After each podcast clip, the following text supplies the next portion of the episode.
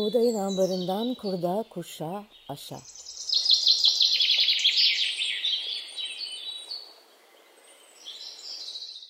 Merhaba, ben Buğday Derneği'nden Lale Han.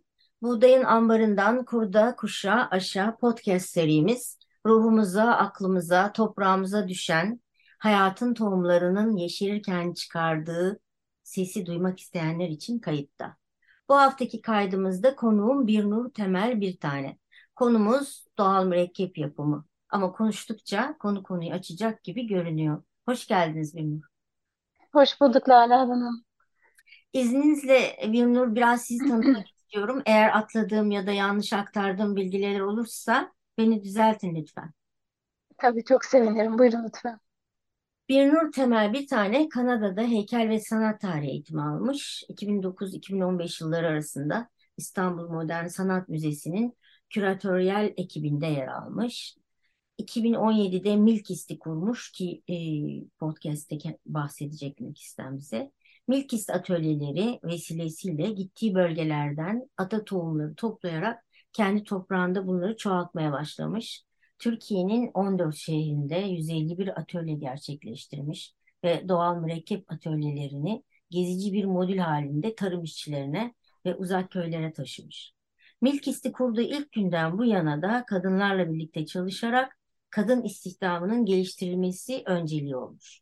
Sosyal adalet konularında saha çalışmaları gerçekleştirmiş. Çalıştığı bölgelerdeki kadınların desteğiyle tarımsal atığı dönüştürerek bu atıkları mürekkep ham maddeleri olarak kutulamış ve kısa bir süre önce mürekkep yapımı atölyelerini bir kitapta toplamış. Ne dersiniz bir nur? Sohbetimize bir çiftçinin renkleri adıyla Yeni İnsan yayınlarından geçtiğimiz günlerde çıkan doğal mürekkep yapımını reçeteleriyle ve görsel zenginlik e, kendi çizimlerinizle görsel zenginleştirdiğiniz kitabınızdan söz ederek başlayalım mı konuşmamıza, sohbetimize? Nasıl bir yolculuk bu? Bu kadar e, tohumla başlayarak ilerliyor. Tohumla başlıyorsunuz. Onları ekip çoğaltıyorsunuz, çiftçilik yapıyorsunuz. Sanat ve tasarım eğitiminizle ve bütün bu deneyimlerinizle dönüşüyor, dönüştürüyorsunuz. Hem kendiniz dönüşüyorsunuz. Nasıl başladı bu döngü? Neden mürekkep? Ee, ya zanaatle tarımın aslında hiçbir zaman birbirlerinden çok kopuk iki farklı pratik olmadığını ben hep söylemeyi seviyorum bu konuda.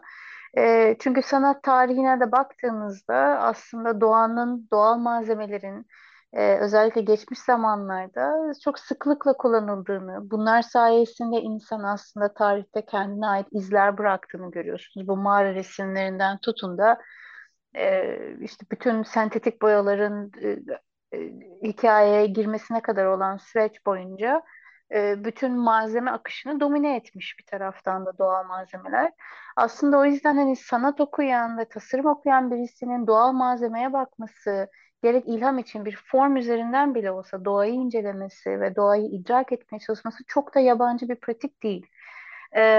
Ben evet sanat tarihi geçmişiyle geliyorum ve aslında heykel arka planıyla geliyorum.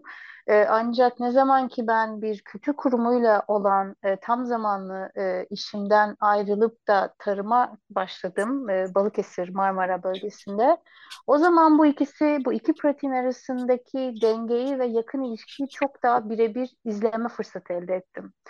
Ee, ekip biçerek tabii siz aslında bir taraftan da renk de ekip biçiyorsunuz.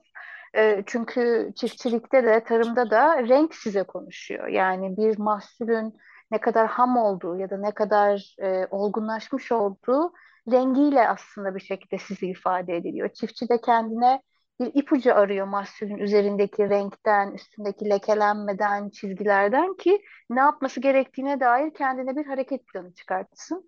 O yüzden nasıl ki çiftçi toprağını ve mahsulünü ve tarlasını bu kadar yakından inceliyor, bir sanat tarihi arka planıyla gelen ve sanat e, tasarım konusunda çalışan birisinin de aslında doğayı ve bütün formlarını ve bütün e, doğal fenomenleri ve bu kadar yakını incelemesi hiç şaşırtıcı olmamalı.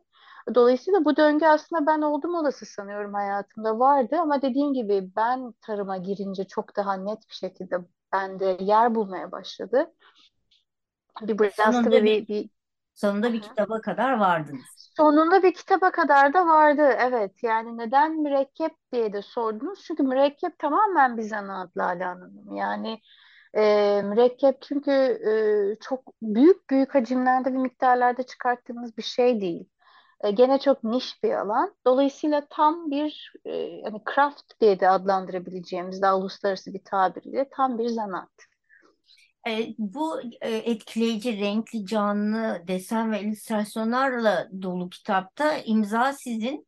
Yani hem mürekkeplerin renklerini görüyoruz, o renkleri veren sebze ve meyve çizimlerini görüyoruz. Çok heyecan verici. Yani bir reçete kitabında ötede ve hepsinde hı. sizin imzanız var. Yani hem metin sizden hem çizimler yani çizim bile diyemiyorum. Hepsi birer e, illüstrasyon gerçekten sanat eseri.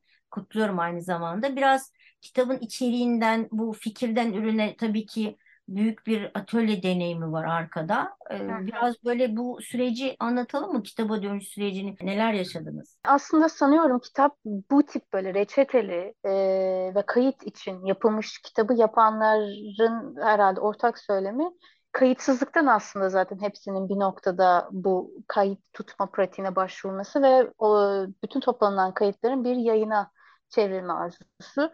Çünkü burada da zanaat dediğinizde çok fazla bir usta ve hani çırak ilişkisi ve e, aslında ustaların pratiklerinin sadece meşk dediğimiz yazılı da olmayan, gözlemleyerek ve sonra tekrar ederek uygulanan e, öğrenme süreçleri yer alıyor. Bu coğrafyada da genellikle bu daha çok hakim biliyorsunuz. Çok böyle yazılı reçeteler, kayıtlar, yayınlar yok belli bir yer- belli bir müddete kadar en azından. Dolayısıyla biz aslında kayıtsızlıktan da çok fazla reçeteyi kaybetmişiz. Kayıtsızlıktan da aslında floramızda özellikle iklim kriziyle birlikte ne değişmiş ne değişmemiş bunları da kaybetmişiz. Ama biz atölyelere, bilkis olarak atölyelere başladığımızda sizin de ilk etapta bahsettiğiniz gibi uzak köyler ve tarım işçileri ve onların çocuklarıydı burada hedef aldığımız ve engelliler de keza tabii ki. Yani hassas gruplardı. Yaratıcı aktivitelere çok kolay ulaşamayan, sosyal, ekonomik, kültürel, coğrafik birçok sebepten olabilir bu. Ee, bu tip gruplara ulaşmak ve aslında demek ki yani sizin için bir boya kiti, e, belki elde edilebilecek bir fiyatın üstünde ve bir şehir merkezinde ve belki minimum bir buçuk saatlik uzaklıkta bir yerde gibi gözüküyor olabilir ama siz doğanın içindesiniz, toprağın üstündesiniz. Dolayısıyla rengin de üstünde oturuyorsunuz demekti. Ve ellerinde zaten var olan mevcut kaynaklarla bu renkleri elde edebileceklerini göstermekti. Dolayısıyla biz böyle Türkiye'yi gezdik. İşbirlikçilerimiz çoktu. Milli Eğitim olsun, Birleşmiş Milletler, STK'lar, kültür kurumları. Ee, ve tabii biz geze geze artık 15 şehir ettik, 156 atölye ettik. Elimizde çok fazla hani e, kayıt var da daha doğrusu fotoğraf var. Gittiğimiz bölgelerde neyin yetiştiğine dair çıkardığımız bir envanter var her şeyden öte. Dolayısıyla bu bunu da bir kitaplaştırmak, bunu bir kayda çevirmek fikri de buradan çıktı. O zaman biz bir Türkiye mürekkep haritası yapalım. Türkiye'nin neresinde ne yetişiyor, neresi neresiyle meşhur ve nerede ne renk aslında orayla özdeşleşmiş gibi de bir bir envanter çıktısı e, oluşturalım diye.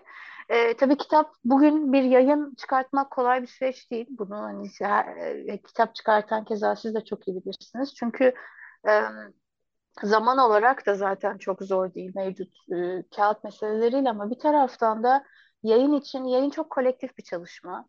E, evet onları ben çizdim, illüstrasyonları var çünkü bu bir renk kitabı dolayısıyla çok fazla desen lazım, illüstrasyon lazım, bitkileri açıklamak gerekiyor. Ama bir taraftan da bunun için çok güzel bir düzen lazım ki her şey birbirine girmesin. E, çok fazla metin var çünkü bir tarif var her şeyin ortasında. Flora'yı anlatıyoruz coğrafyayı anlatıyoruz, Türkiye'nin bitki örtüsünü anlatıyoruz. Ee, bu kitaba başladığımızda da aslında ben sizi buldum ve siz de mutlu ki bu kitabın editörü olmayı e, beni çok mutlu ederek kabul ettiniz. E, çünkü bu kitabın derlenmesi, editlenmesi de kitabın ortaya çıkması kadar da kıymetli bir süreçti. Çünkü dediğim gibi bu kadar e, bir araya gelen bir bilgi, bilgi birikimini e, temiz bir şekilde de ifade etmek gerekiyor. Her şeyi birbirine karıştırmadan. Çünkü doğal mürekkep kitabı bu ama doğal boyama dediğimizde işte bugün dokumacılığın geldiği noktaya yön veren yün ve kumaş boyamaya giriyoruz. Şimdi herkesin aklı hep oraya gider. Çünkü doğal boyama dediğinizde kumaş boyama gelir insan aklı ama bu doğal mürekkep kitabı. Dolayısıyla buradaki farkı ifade etmek için e, doğal boyar maddelerden bahsederken bu ayrımları gözetmek ve bu şekilde kitaba bakmak için böyle bir e, alanında çok iyi olan insanlarla da e, birlikte çalışmak gerekiyor. Dolayısıyla biz bu fikire başladığımızda aslında 2018'de başladık atölyelere. O dönem başladığımızda tabii bunu bir yayına çevirelim yoktu Lale Hanım ama ondan sonra 2021 sanıyorum tam, yani biz bir buçuk senedir belki bir sene minimum olmak üzere sizinle kitap üzerine çalıştık. Ee, yani yaklaşık tabii bu bütün pandemi sürecinde de devam etti. Çünkü biz atölyelere gidemesek de kutuladık bu sefer malzemelerimizi, kutularımızı gönderdik.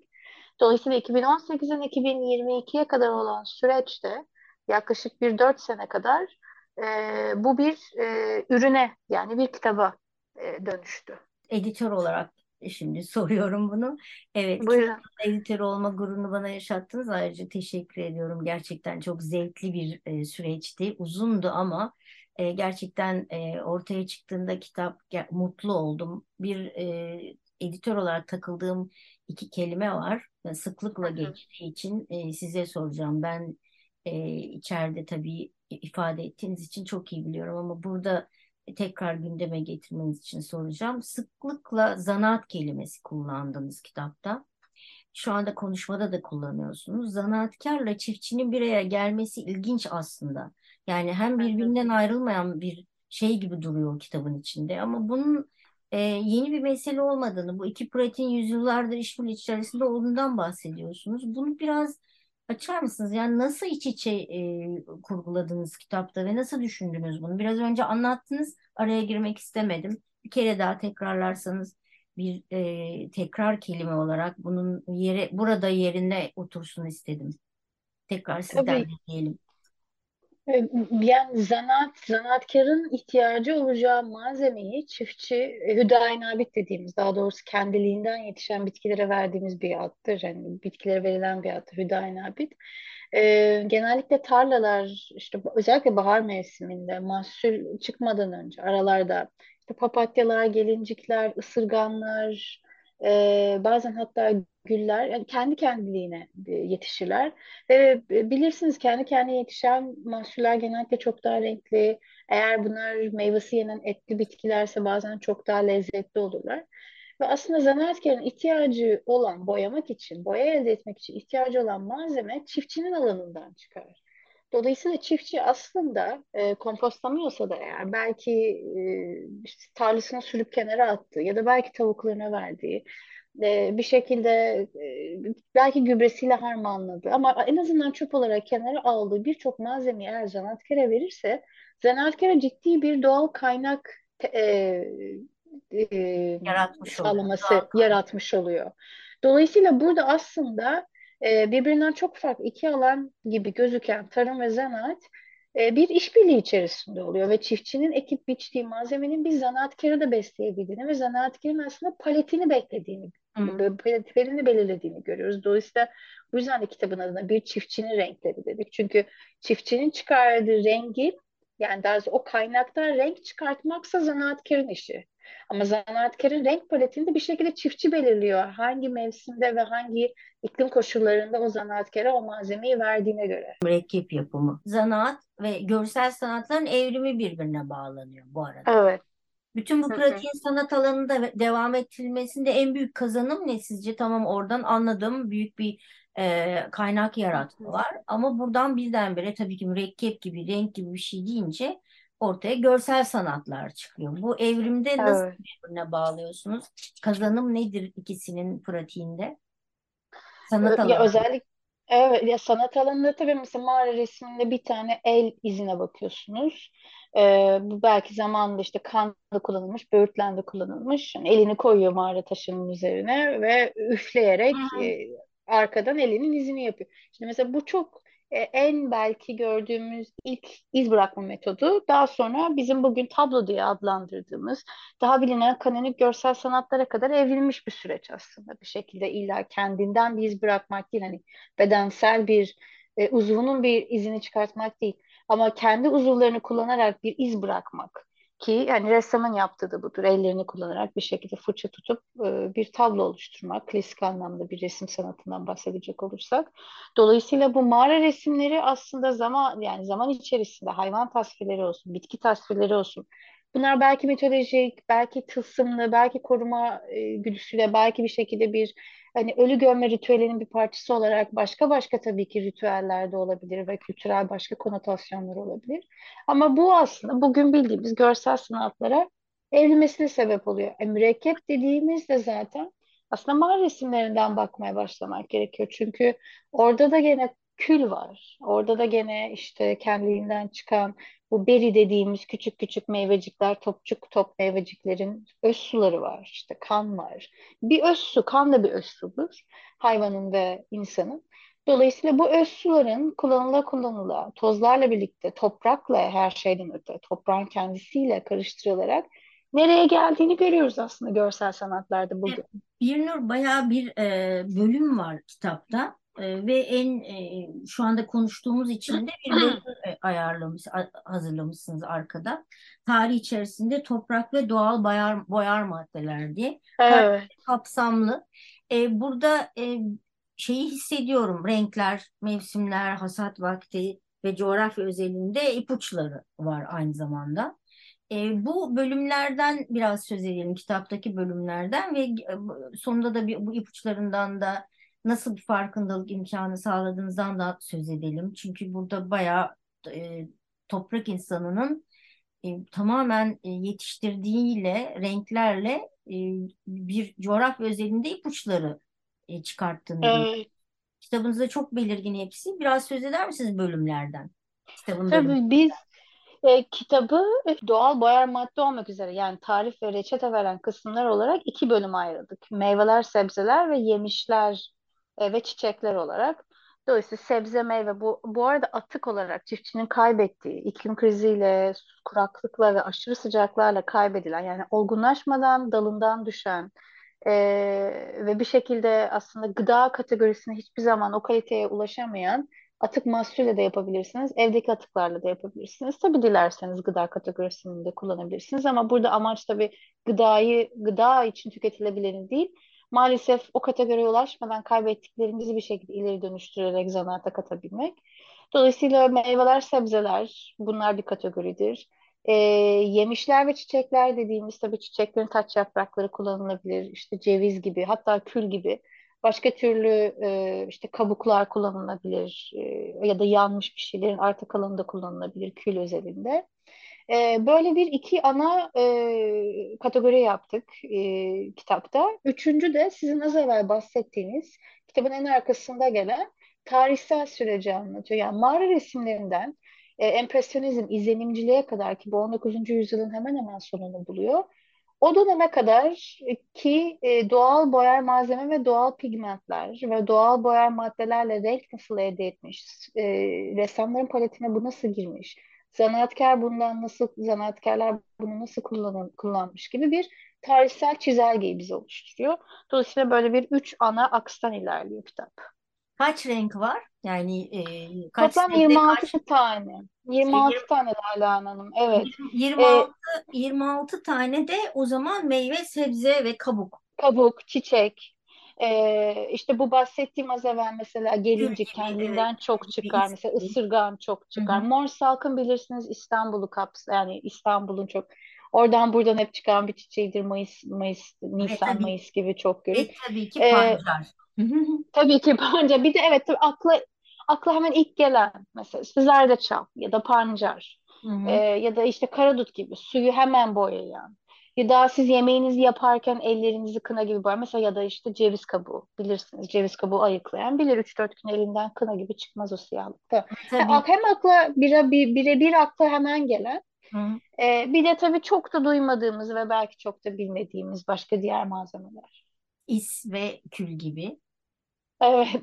Aslında o da çok en tarihsel siyah e, rengi elde etme pratiğidir.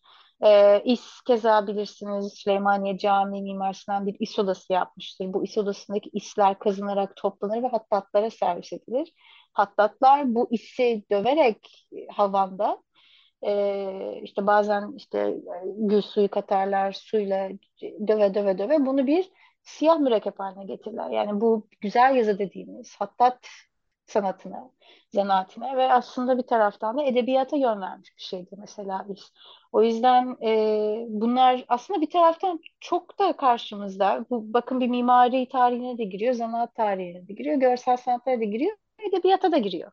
Ya Çok böyle değerli, baktığınızda çok aslında değerli bir metne sahip kitap. evet yani renk üzerinden siz dört beş disiplini birbirine bağlayabiliyorsunuz daha Çok çok anlamlıydı. Yani editörü olarak e, hiç abartısız söylüyorum. Gurur duyduğum bir e, yayın oldu. Ne mutlu. E, bir şey daha ekleyeceğim. Mürekkep harici ku- kullanım alternatifleri de var bir bölümde. O da çok hoş. Yani biliyorsunuz çocuklar renkli yemeklerden hoşlanıyor. Kırmızılardan, morlardan. Bilmiyorum mesela mor bir makarna gördüğünde çocuk herhalde yemediği Hı. makarnayı bile yer diye düşünüyorum. O bölüm de çok güzel Evet. olmuş. Yani gıda boyamada da bu doğal e, sebze meyveyi kullanmak için bir bölüm açmanız çok güzel kitapta. Ben başka bir Evet. şeye giriyorum. e, güzel şeylerden sonra.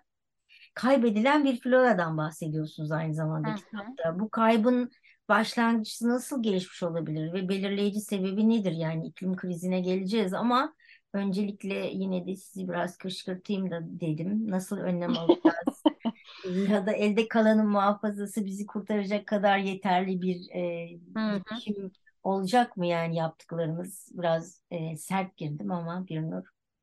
Yok ama çok çok da e, yani haklısınız çünkü hani evet biz elimizde kalanı muhafaza edelim ama kalan bizi kurtaracak mı peki diye soruyor insan ister istemez bu kötücül senaryolar karşısında. Şimdi tabii iklim krizi zaten çok bariz ve çok üzücü bir şekilde karşımızda. Gerek kışın apayrı karşılaşıyoruz, yazın apayrı karşılaşıyoruz sonuçlarıyla.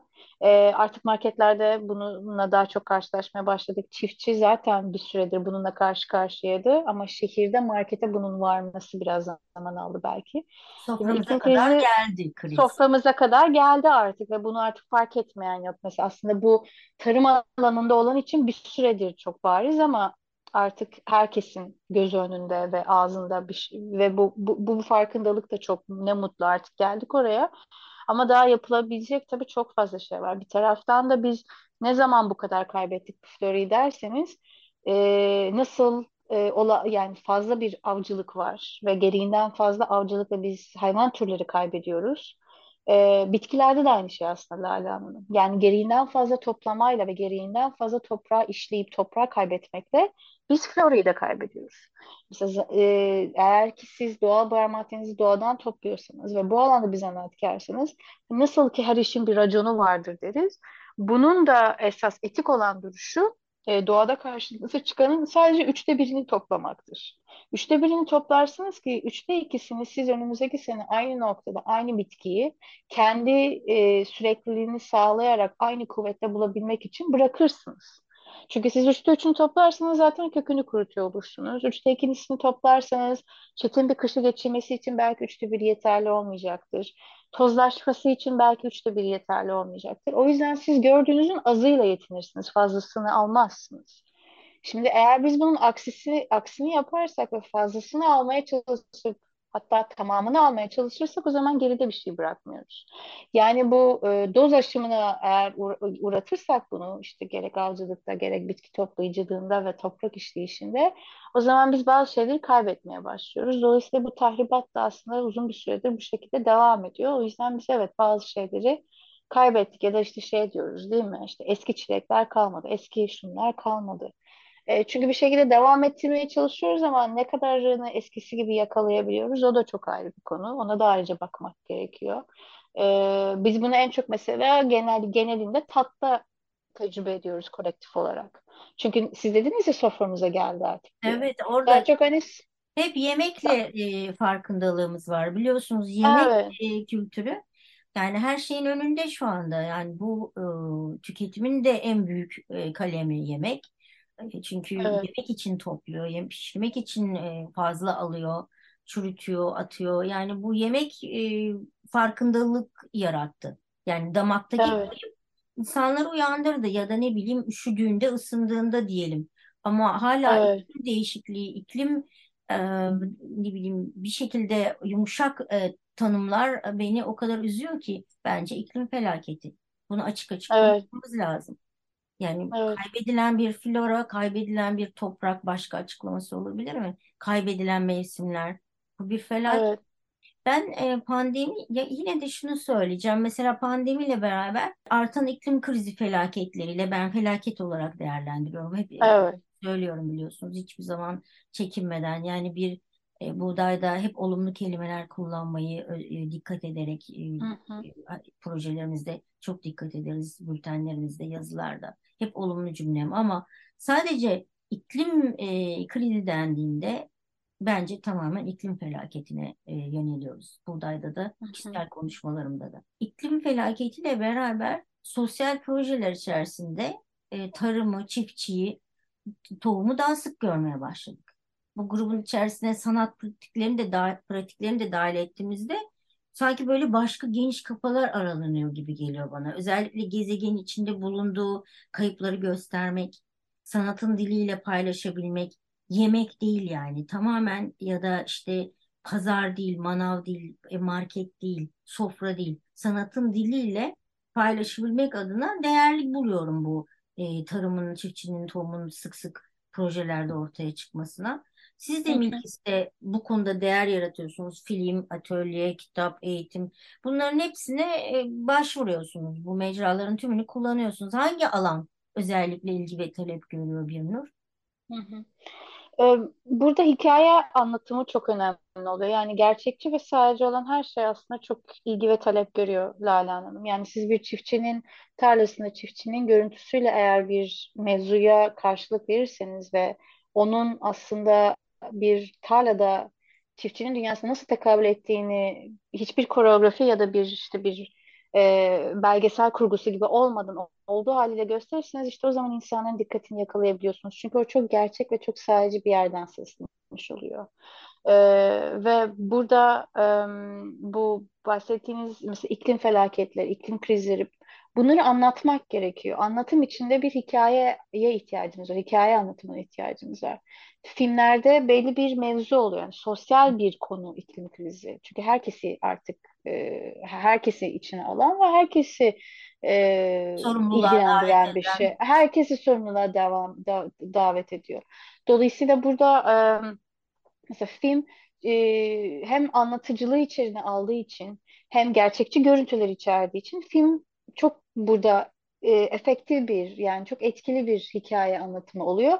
Ve sosyal bir konuya dikkat çekmek için de e, özellikle sanatın bu hikaye anlatıcılığını kullanıyor olmayı ben çok e, hani hem pozitif buluyorum. Çünkü aslında bir felaket var karşımızda. Ama buna daha yapıcı ve çözümler üzerinden yaklaşmamız lazım ki e, evet kaybedeceğimizi kaybettik ama az evvel konuştuğumuz gibi bunu ne kadarını muhafaza edebiliriz ve muhafaza ettiğimizi de daha ne kadar çoğaltabiliriz gibi daha yapıcı bir şekilde gitmemiz gerekiyor.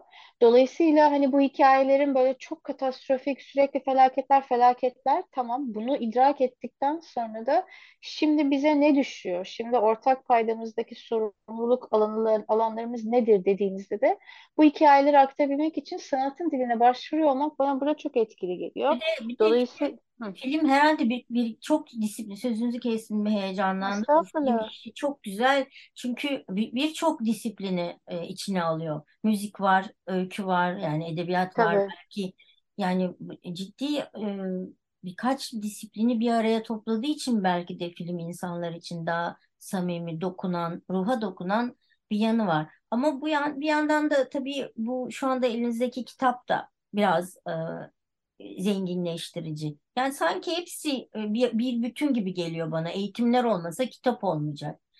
Tabii. birlikte işte kitaptan önce atölyeler olmasa kitap olmayacak. Film, ya film deyince hemen yeni bir projeniz var. Ee, biraz Evet. kitaptan çıkmak istiyorum. Ee, ve kitap Yeni İnsan yayınlarından çıktı geçtiğimiz e, ayın başında. Çok severek editlediğim, herkese bir şekilde e, özellikle çocuklara gitmesi için hediye edilmesini öneriyorum.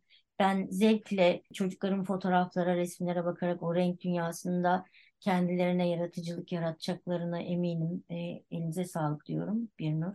Çok teşekkürler. Hepimizin Hanım. Evet bir ekip çalışmasıydı. Gerçekten e, ne derler böyle bir e, gururla e, iyi bir şey nedir? Gezegenimize armağan. Yeni projenizde kadın çiftçilerle birlikte çalışıyorsunuz ama bu sefer mürekkebin haricinde gelişen bir işbirliği bu. Biraz da bu bundan söz edelim bu projeden. Yani sanki ortak noktalar var. Paylaşımda birbirleriyle e, nerede etkileşim içer, içerisinde oluyor projeleriniz? Mesela bu kadınların kadın çiftçilerle yaptığınızda mürekkep yok. Evet. Az evvel onu siz de çok güzel söylediniz. Yani bir şey bir şeye gebe oluyor. Yani bir şey bir şey Evet, doğuruyor gibi. Yani, evet, evet. hani atölyeler olmasaydı kitap Kitap olmaz. olmayacaktı. Evet, Atölyeler olduğu için aslında eğitimler başladı. Hani tamam çocuklarla gittik biz bu atölyeleri yaptık ama bir taraftan da eğitmen eğitimi yaptık. Öğretmenlere eğitimler yaptık. Üniversite öğrencilerine eğitimler yaptık. Ee, konusunda aslında profesyonel olarak bunu yapan e, işte botanik ressamlara ve zanaatkarlara da yaptık.